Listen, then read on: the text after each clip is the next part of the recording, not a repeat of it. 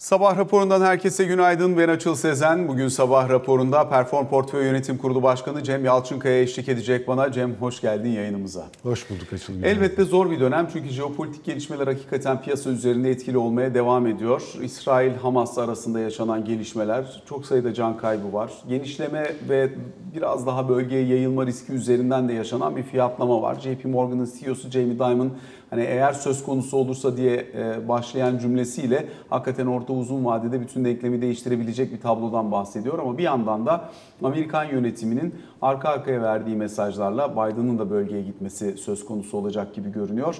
E, bundan sonraki süreçte hani İran'ı biraz daha işin dışında bırakıp denklemin dışında bırakıp sızdırılan haberlerle hatta işte İran da aslında bunu sonradan öğrendi falan diyerek olayın dışında tutmaya e, çalışan bir yaklaşımı var. Bunun da piyasa üzerine belli ölçüde etkili olduğunu görüyoruz. Piyasa bazlı buradaki stratejiler çerçevesinde mesela JP Morgan'ın baş stratejisti Kolanovic'in bir açıklaması var.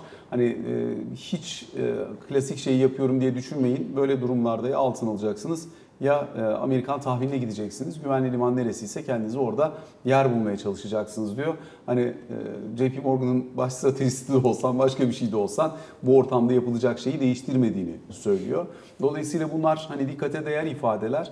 Bir taraftan yine e, Amerika'da Fed'in faiz konusundaki e, adımı gelecek mi gelmeyecek mi bununla ilgili tartışma var. Philadelphia Fed Başkanı Patrick Harker'ın açıklamaları oldu dün itibariyle. Hani çok fazla şey duyduk ama e, şu anda yeni bir faiz artırımına bence artık ihtiyaç yok şeklinde de bir yaklaşım sergilediğini gözlemliyoruz. Tüm bunları yakından izleyip takip etmeye çalışıyor piyasa. İçeride ise borsada özellikle bir bozulma var. E, bu saldırıyla başlayan ama daha sonrasında kendi iç dinamiğiyle de birazcık zaten zayıflamış görünen teknik tablonun endeksi 8000 puanın altına kadar ittiğini gözlemliyoruz. Bunun kalıcılığı da konuşacağımız unsurlardan bir tanesi. Döndüm ve direkt başlangıç aşamasındaki jeopolitik unsurlar ve bunların yansımaları yayılma riski konusunda ne düşünüyorsun özellikle? Tabii Açıl her zamanki gibi çok güzel özetledin aslında. Yani tabii çok kötü bir durum. Ee, insanlık adına çok kötü durum. Hepimiz bundan dolayı çok üzgünüz. Olayın bu tarafı tabii bir tarafta ekonomi bizim işimiz. O taraftan baktığımız zaman da aslında e, Jamie Dimon'ın veya CFO'nun, e, Chief Investment Officer'ın söylediği gibi JP Morgan yani böyle durumlarda altın ve dolar faize yönelmek söz konusu. Güvenli limana geçiş söz konusu. Tabii bu e, inşallah daha fazla yayılmaz e, ve şu anda geldiğimiz durumda yayılmayacak, lokal kalacak. Tabii lokal de çok kötü ama lokal kalacak gibi bir görüntüye büründü. Bu da piyasalar açısından işte vaka vuku bulduğundaki o anormal tepki üzerine bir yumuşama e, getirdi. Genel olarak şu anda bu jeopolitik etkinin e, aslında e, şimdilik sınırlı kaldığını gözlemliyoruz. İnşallah da yayılmaz demekten başka bir şey yok. Gelişmeler biraz Amerika Birleşik Devletleri'nin liderliğinde biraz daha yayılmadan toparlanma yönünde ki sen de çok güzel özetledin açıkçası. Hani İran tarafında da İran'ın sonradan haberi oldu vesaire gibi açıklamalarla ortalık biraz yumuşatılmaya çalışılıyor. Umarım böyle kal, kalır. Daha sonrasında da artık bu kronikleşmiş ve gerçekten son derece sıkıntılı olan bu bölgedeki sorun artık çözüme doğru da gider diye ümit ediyorum. Yani şu anda gerginlik olursa veya bu kara harekatı için bir yığılma var. Orada biraz gerilme olursa tekrar altının ve doların güçlendiğini göreceğimiz ama biraz daha daha işte barışçıl yollara doğru gidiyoruz şeklinde olursa da tekrar sistemin riskli varlıkları biraz daha teveccüh edeceği bir döneme doğru gidiyoruz yani bir şeydeyiz. Şimdi tabii özellikle Taraftayız. yatırımcıların modunu ilk etapta bozduğundan bahsettik. Sonrasındaysa bir miktar daha toparlama evet. eğilimi var. Bir yandan da tabii e, örneğin Amerika'da bilanço sezonu başladı. O bilançolar e, yönündeki beklentiler de piyasayı biraz daha yukarı doğru itiyor. Çünkü kapanışlar %1'ler civarında artıda gerçekleşti Amerika Birleşik Devletleri'nde. Nasıl değerlendirirsin? Özellikle e, Amerika'daki bilanço sezonu ve bundan sonrasında resesyon beklentisi kuvvetlendiği için orta uzun vadede hisse senedi piyasası görünümü nasıl geliyor sana? Açılış, faiz varken. Tabii açılış şöyle aslında hani biliyorsun Fed bu konuda bu iletişim politikaları konusunda son derece başarılı gittiği için şu anda da bir yandan e, yani ne şiş yansın ne kebap tarafında sistemi tutmaya çalışıyor. Çünkü öngöremiyor. Daha çok dataya ihtiyacı var. Önümüzdeki dönemde enflasyonla mücadeleyi başardık mı, başaramadık mı diye. Yani bir tarafta dörtler civarında olan bir çekirdek enflasyon var. İşte 3.7'ye düşmüş bir tüfe var. E, Amerika Birleşik Devletleri'nde 5.5 seviyesinde de bir politika faizi var. Yani ciddi bir reel faiz veriyor aslında Amerika Birleşik Devletleri ve bu reel faize katlanmaya da devam ediyor. Ve açıklamalarda da hep e, işte biraz daha belki yüksek faiz devam edebilir. Baktığımız zaman da nokta grafiklerde de şeyi görüyoruz. Bir 50 bas puanlık bir artış daha genel itibariyle hala fiyatlanmaya devam ediyor. Benim kişisel görüşüm artık bu işte yani gördüğüm datalarla ki tabii ki Fed'in elindeki data setinle bizim uzaktan yakından alakamız yok ama hani gördüğüm datalarla artık bu işin sonuna doğru yaklaşılıyor gibi duruyor. Çünkü işte doğal gaz stoklarına bakıyorsun Avrupa'da olmadığı kadar yüksek stoklar, enerji fiyatlarına bakıyorsun. Yani kış aylarıyla birlikte enerjiden de çok büyük bir darbe yemeyeceğiz gibi duruyor. Dolayısıyla artık bence hani yavaş yavaş tamamdır. Bu da bilançolarla birlikte yavaş yavaş tekrar bir hisse senedi piyasalarını yoklamaya dönebilir. Yani e, artık oradan e, birazcık pozisyon almaya yönelebilir yatırımcılar. Çünkü arttırmak için çok bir neden göremiyorum data setlerine baktığım zaman yani. Bir daha faiz arttırmak için bir neden göremiyorum. Peki bizim tarafa dönüp baktığımızda potansiyel etkisi için ne söylenebilir diye sana sormak isterim. Borsa bozuldu Ee, ama zaten tadı da pek yoktu. Dolayısıyla hani orada önce işte havacılıkla başladı, arkasından sanayi sektörüyle dün itibariyle devam etti. Bayağı sert satış gördük diyebiliriz. Yani endeks daha önce 8500'ü geçtikçe 8700'e giderken sürekli dirençle karşılaşıyor noktasından. Şimdi birkaç gün arka arkaya 8100'ü altı aşağı yönlü olarak aşındırdı. Ee, acaba kırar mı derken kırdı. Açıl şöyle, sen de birçok sektörle görüşüyorsun. Ee, Birçok sektörle bir aradasın. E, Ben de aynı şekilde birçok sektörle görüşüyorum Türkiye'de. Borsaya geçmeden şunu söyleyeceğim. İç piyasa sıkıntılı görünüyor. En azından benim konuştuğum sanayicilerle birlikte.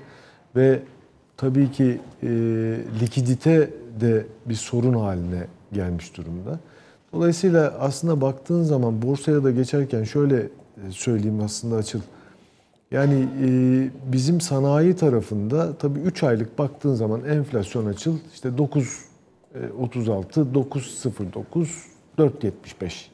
Biraz küsuratlarda belki yanılabilirim ama baktığın zaman neredeyse %25'e yakın son 3 ayda enflasyonla karşı karşıyayız. Buna karşılık kur seviyesi aynı veya işte yüzde e, yedi yukarıda. Yani eğer 3 ayı 3 ayda karşılaştırırsak. Tabii bu ihracatçıya ve sanayiciye çok zarar veriyor. Yani bunu e, görmemek imkansız. Bir tarafta girdi maliyetlerin ciddi anlamda artıyor. Dövizle satış yapan bir ihracatçıysan e, fiyat aynı. Yani çok zorlanıyorlar. Bu işin tabii bir tarafı. Borsa tarafına tekrar senin soruna gelecek olursak bence burası çok önemli de o yüzden aslında buraya biraz işaret etmek istedim Açıl. Belki bir daha geliriz oraya ama borsa tarafına gelirsek birkaç tane şey tabii ki bu jeopolitik durum öncelikli e, tetikleyen unsur oldu. Ama iyi biliyoruz ki faizler de yukarı yönde hareket ediyor. İşte 40'lar seviyesine gelmiş bir e, yıllık TL mevduat faizinden bahsediyoruz. Daha orta ölçekli bankalara gittiğin zaman biraz daha yukarılara da çıkabiliyor. E, yavaş yavaş artık borsanın yukarı gitmesi tarafında sınırlayıcı şeyler var. Jeopolitik gelişme, kurdaki açıkçası enflasyon devalüasyon arasındaki fark, faizdeki yukarı gidiş bunların hepsi bence biraz zorluyor. Tabii bilançolar gelmeye başlıyor. Bilançolar da iyi gelecek gibi duruyor bu çeyrekte de. E, son derece e, güzel bilançolar gelebilir. Bu da dengeleyebilir sistemi. Peki şunu sorayım mesela güçlü bilanço beklentisi herkeste hakim. Evet. Yani işte sanayi sektörü için mesela 3 haneye yakın kar beklenen, kar artışı beklenen birçok sektör var mesela. Dolayısıyla hani böyle bakıldığında o güçlü bilançolar acaba biraz da geriye gelmiş olan bu endeks çerçevesi üzerinden okunduğunda alım için fırsat yaratabilir mi? Ne dersin? İşte bir makro ile birleştirdiğimiz zaman açıl makro tarafta eğer faizleri biraz daha yukarı alırsa Merkez Bankası politika faizini ve beraberinde piyasa faizlerini o zaman hani makro tarafından taraftan gelen baskıyla bilançoların arası iyileşmesi arasında bir e, şey kurmak lazım. denge kurmak lazım. Ona göre bakmak lazım tabii. Çünkü e şimdi biz hala Merkez Bankası enflasyonu 33 bekliyor. Ama işte IMF 46 hep konuşulan şeyler bunlar ama e, piyasa 50'ye yakın. E, politika faizi 30. Yani politika faizini biraz daha yukarı almaya devam edersek o zaman piyasa faizinde de biraz daha yukarı hareket ortaya çıkabilir. O da makrodan baktığında e ben e, yıllar önceden beri hep böyle olduğunu bilirsin daha önceleri. İşte ben risksiz son derece iyi bir getirim varken enflasyon üstünde risksiz getiri beklerken borsadan biraz kayma beklerim açıkçası. Fakat şunu da göz ardı edemem. Bugüne gelip baktığında hala enflasyonun altında bir faizle karşı karşıyayız. Hala beklenen enflasyonun altında bir faizle karşı karşıyayız. Dolayısıyla da borsadaki düzeltme sonrasında borsaya tekrar bir e, giriş gerçekleşebilir. Başka alternatif hala yok. Yani bu söylediğim şey faiz artışından sonra belki gerçekleşir. Peki ama şunu da sorayım. Yani bir tabii politika faizin durduğu yer var. Burası yukarı gidiyor. Ee, evet enflasyonla da beklenen enflasyonla da piyasanın beklediği enflasyon diyeyim. Arada bir marj var elbette. Fakat e, bir yandan da politika bileşiminin yani bunu bu ekonomi yönetimi tercih etmedi. Önceki ekonomi yönetimi tarafından tercih edilmiş olan bileşimin getirmiş olduğu bir ekstra sıkılaşma da var. Yani dolayısıyla normalde politika faizi 30 iken işte mevduat faizleri bunun çevresinde oluşması beklenirken normal bir ekonomide böyle olması lazım. Bu sıkılaştırıcı önlemler nedeniyle e, aslında ve bankalara getirilmiş olan çeşitli yükümlülükler ve hedefler de bunun içerisinde etkili elbette. Şu anda ima ettiği sıkılaşma düzeyi politika faizinin gösterdiği yerden daha yukarıda oluşuyor olabilir mi? Yani mevduat faizi şu anda 42-43'lerde. Bu da aslında yine benzer şekilde e, hani önümüzdeki döneme dair piyasanın enflasyon beklentilerinin altına işaret ediyor olabilir ama 30'un gösterdiği kadar da gevşek bir para politikası olmayabilir mi acaba? Doğru yani sıkılaşma... Bir reel faize yakın bir şey en azından Evet. veriyor olabilir mi mevduat tarafında Türkiye? Yakında sanki yani bugün tam değil belki açıl. Çünkü beklenen enflasyonla karşılaştırdığımız zaman 42'ler falan da hala altında duruyor. Ama doğru sıkılaşmayla beraber yakında bence hani başa başa yakın bir yere gelecektir. O yüzden de daha temkinli bir e, yatırımcı profili gözlemleyebiliyoruz. Yani artık e, vadeli mevduat faizi tekrar e, sorulmaya, kullanılmaya başlandı. Yani bu tekrar bir e, trend haline gelebilir.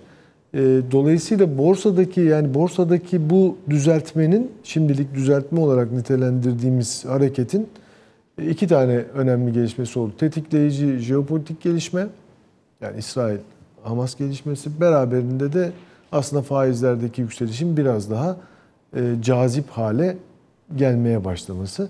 Tabii kurun da hala e, belli bir seviyede gidiyor olması bütün bu uluslararası e, piyasalardaki çalkantıya, dolar endeksinin bu kadar yükselmesine işte JP Morgan'dan gelen haberlere rağmen bizde kurun hala sabit gidiyor olması da tabii başka bir konu.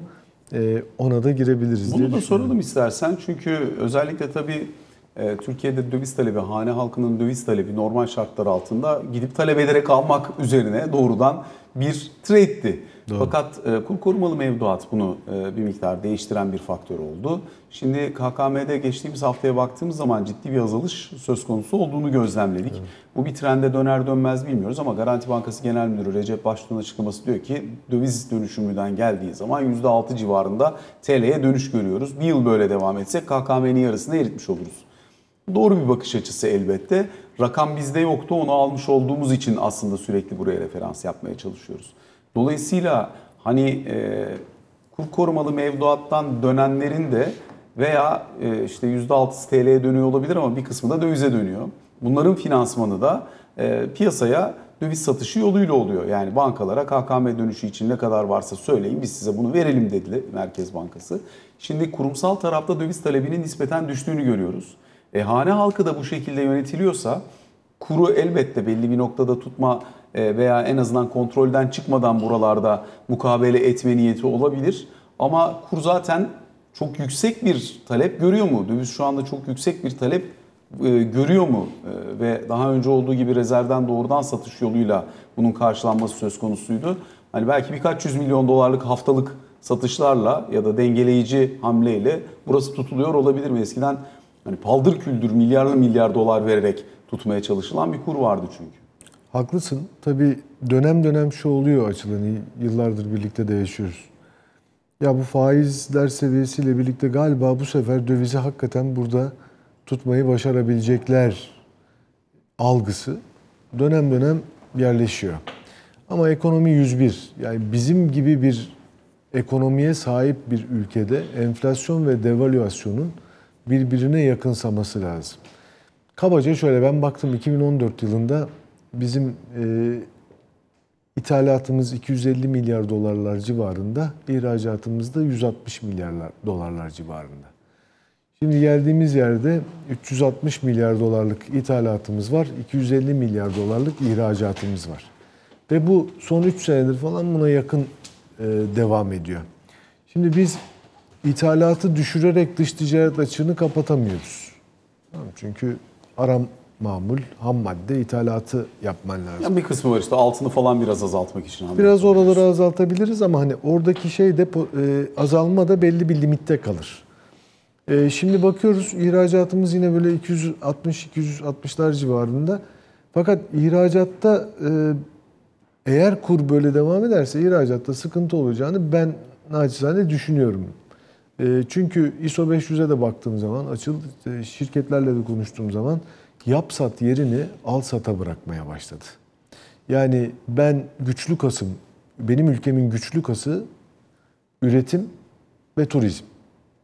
Ben sanayiyi eğer e, ihracat bacağıyla birlikte güçlü kas olmaktan veya kası zayıflatırsam sıkıntı yaşarım.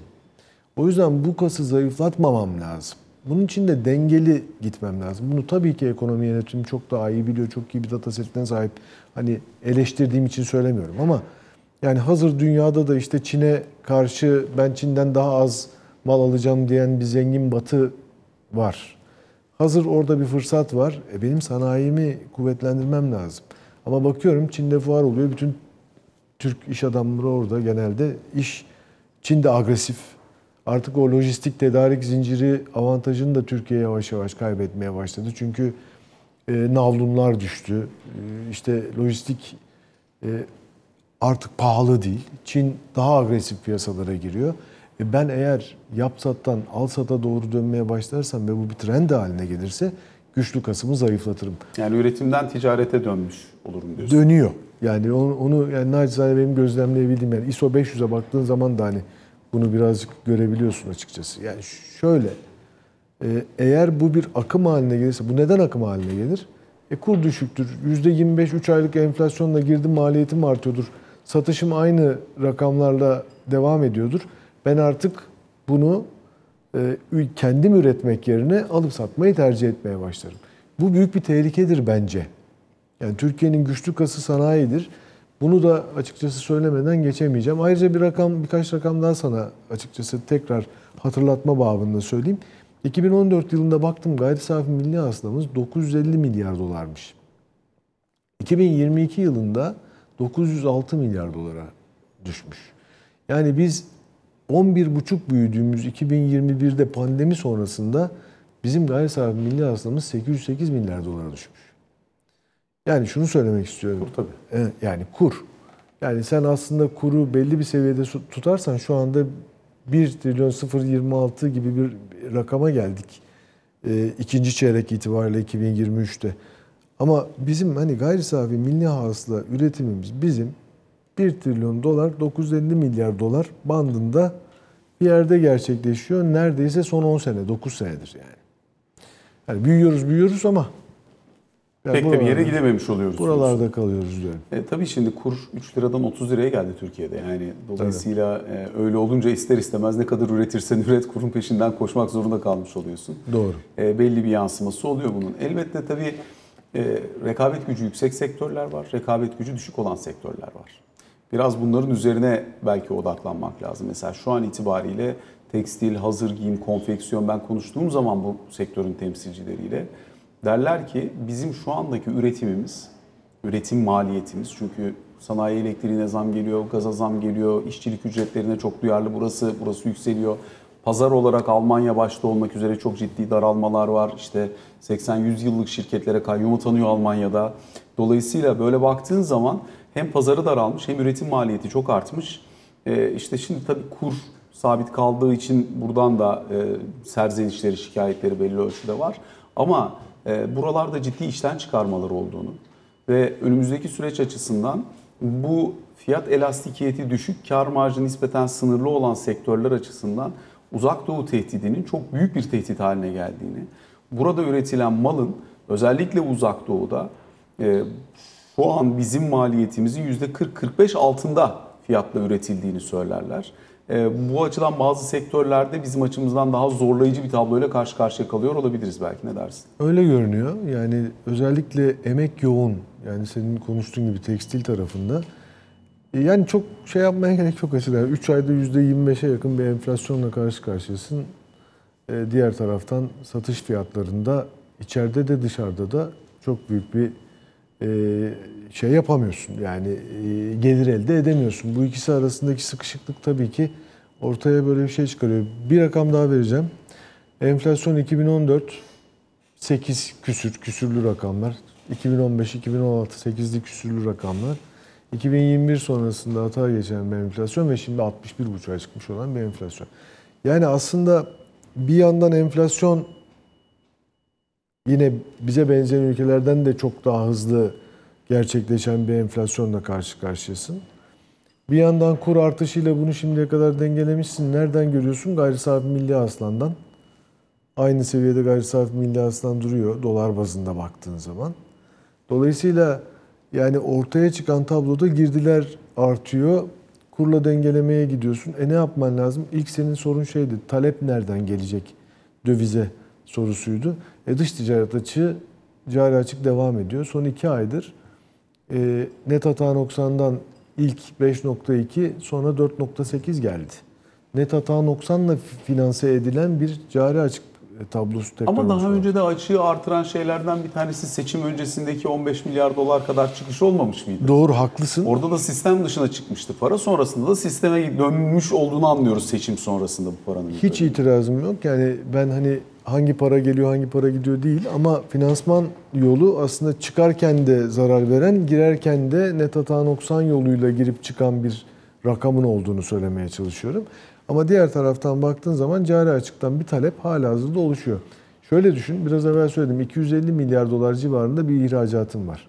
%40'ını Türkiye Cumhuriyeti Merkez Bankası üzerinden geçiriyorsun bir yılda. Yani 100 milyar dolarlık bir cash flow sistem içerisinde e, şeyi dengelemeye çalışıyor aslında sistemi dengelemeye çalışıyor. Fon akımını dengeliyor. Fon akımı, Akım ve evet. çıkışını dengeliyor. Evet fon akımı onu dengeliyor. Ama o dengelediği için bence kur da hani belli bir seviyeden çok yukarı doğru gitmiyor. Jeopolitik, uluslararası ne olursa olsun e, belli bir seviyede e, cid- ciddi bir biçimde belli bir seviyede duruyor yani. Dolayısıyla Şimdi talep nereden gelir? Bir de çok özür dilerim onu söyleyeceğim. Unutmayayım diye söylüyorum açım. Bir de tabii düşmüş olmasına rağmen 121 milyar dolarlar seviyesinde olan bir kur korumalı mevduat var. Bu kur korumalı mevduat evet hani Recep Bey'in dediği gibi e, dövizden dönenlerin belli bir oranda TL'ye dönmesi çok iyi bir haber. Fakat e, eğer kur belli bir seviyede durmaya devam eder, faiz de biraz daha yukarı gidip de ca- cazibesini artırmazsa bu da bir risk olarak karşımızda duruyor diye düşünüyorum. Yani şimdi mesela bankalara kur korumalı mevduatla ilgili verilmiş olan bir opsiyon politika faizinin altında e, bir faiz önerme imkanıydı. Daha önceki sistem KKM'yi teşvik ettiği için buna müsaade etmiyordu. Şimdi politika faizi 30'a geldi. Dolayısıyla sen 30'la dolar opsiyonu tanıdığın takdirde bu hani sen mevduatta 40 da versen 45 de versen bir kesimin tercih edeceği bir seçenek haline geliyor.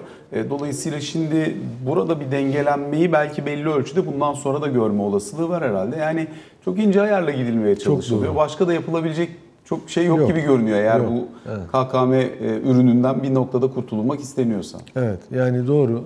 İnce ayarla gidilmeye çalışılan her yer ince ayarla gitmeye çalışıyor. Zor bir dönem. Her zaman zaten ekonomi yönetimi gerçekten zor. Hani dışarıdan bakıp bazı şeyleri görüp onları paylaşmaya çalışıyoruz tabii. Daha iyi bir ekonomi yönetimi için acaba senin benim burada bir ufak da olsa katkımız olur mu diye aslında bu programlarda konuşmaya çalışıyoruz. Dolayısıyla evet zor. Bu dengeyi yönetmek zor. Ee, İş şimdilik dünyası yönetiliyor. için de tabii şeyin muhasebesini yapmak gerekebilir. Hani sonuçta iki sene boyunca e, gerçeklikten çok uzak şekilde çok ucuza fonlandı şirketler. Dolayısıyla şimdi bunun normalleşmesiyle de yüz yüze kalmak gerekebilir. Yani daha önceki dönemde ulaştığı maliyette krediye ulaşmak istiyorsan bu imkanı bulma şansın olmayacak büyük ihtimalle. Ee, daha önce ucuz olmasına rağmen ulaşamadığın bir dönem vardı krediye. Şimdi pahalı da olsa ulaşabiliyorsun. O iyidir bu kötüdür diye değil de keşke bunun muhasebesini gerçeklikten uzak o politika seti ulaşılmaya ya da e, uygulamaya konduğu dönemde duysaydık. Doğru söylüyorsun. Tabii şöyle oluyor. Yani şimdi ihracatçı için de benzer bir durum. Exim Bank sağ olsun vallahi yani hani hep konuşuyoruz. Oradan ihracatçıya bir destek geliyor.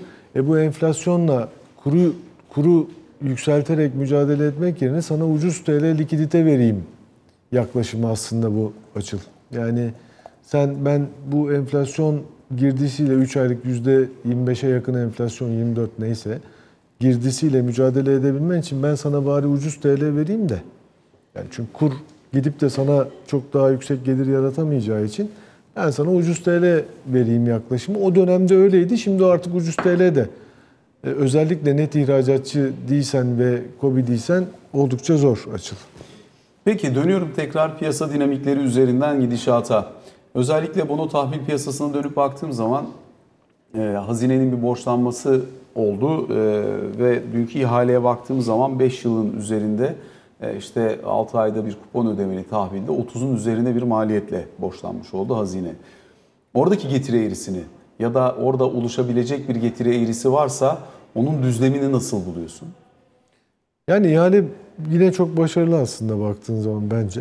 Başarılı geçmiş yani ihale. Aslında tabii buradaki 8 milyar liralık orada satış var. 12 aylık ihalede de yine e, 11 satış satış var. toplam. Toplamda 14 milyar lira 14 civarında satış olmuş. Yani şöyle e, tabii 30 faizden bahsediyoruz. Hani 5 yılın üstündeki bir e, tabloda. E, genellikle tabii bu enflasyon önümüzdeki dönemde enflasyonun ne kadar yapışkan olacağını düşünerek e, yapılan bir yatırım ama burada da ya- yaklaşıyor artık açıldı. Yani faiz ve enflasyon bekleyişi yavaş yavaş yukarı doğru geliyor. Bence bu geçiş başarılı oluyor. Yani biraz daha yukarı gelirse artık tahvil e, cazip hale belki gelebilir. Sen ne noktada alırsın portföy yöneticisi olarak Türk tahvil E tabii şu anda TL'cisi? kısa vadeli yani bir yıl ben çok uzun vadeye gitmeyi şu anda çok uygun görmüyorum kendi adıma. Çünkü öngörülü yani dünya hakikaten karışık. Yani genel itibariyle jeopolitik tarafta da karışık, ekonomi tarafında da karışık. Amerika'nın e, 10 yıllıklarının 4.86-4.90 seviyesine geldiği bir yerde hani sen bu şeyi tabloyu iyice analiz etmeye çalışman lazım. Uzun vade değil daha kısa vadeye daha uygun görürüm. Kısa vade dediğimde hani bir yıllık bir perspektifte bakmayı tercih ederim. Çünkü enflasyonu kestirebildiğim dönem bir yıl. Daha sonrasında ne kadar yapışkan hale gelir gelmez onu bilmiyorum. 8'ler seviyesinden 61,5 seviyesine çıkmış 10 yıl, 9 yıllık bir sürede bir enflasyonla karşı karşıyayız. Önümüzdeki dönemde enflasyon düşüşünü bekliyorum. Ama 30 faizde henüz biraz daha e, görmek isteyen tarafta olurum açıl ben. Kısa bir araya gidelim şimdi. Aranın ardından sohbetimize kaldığımız yerden devam edelim.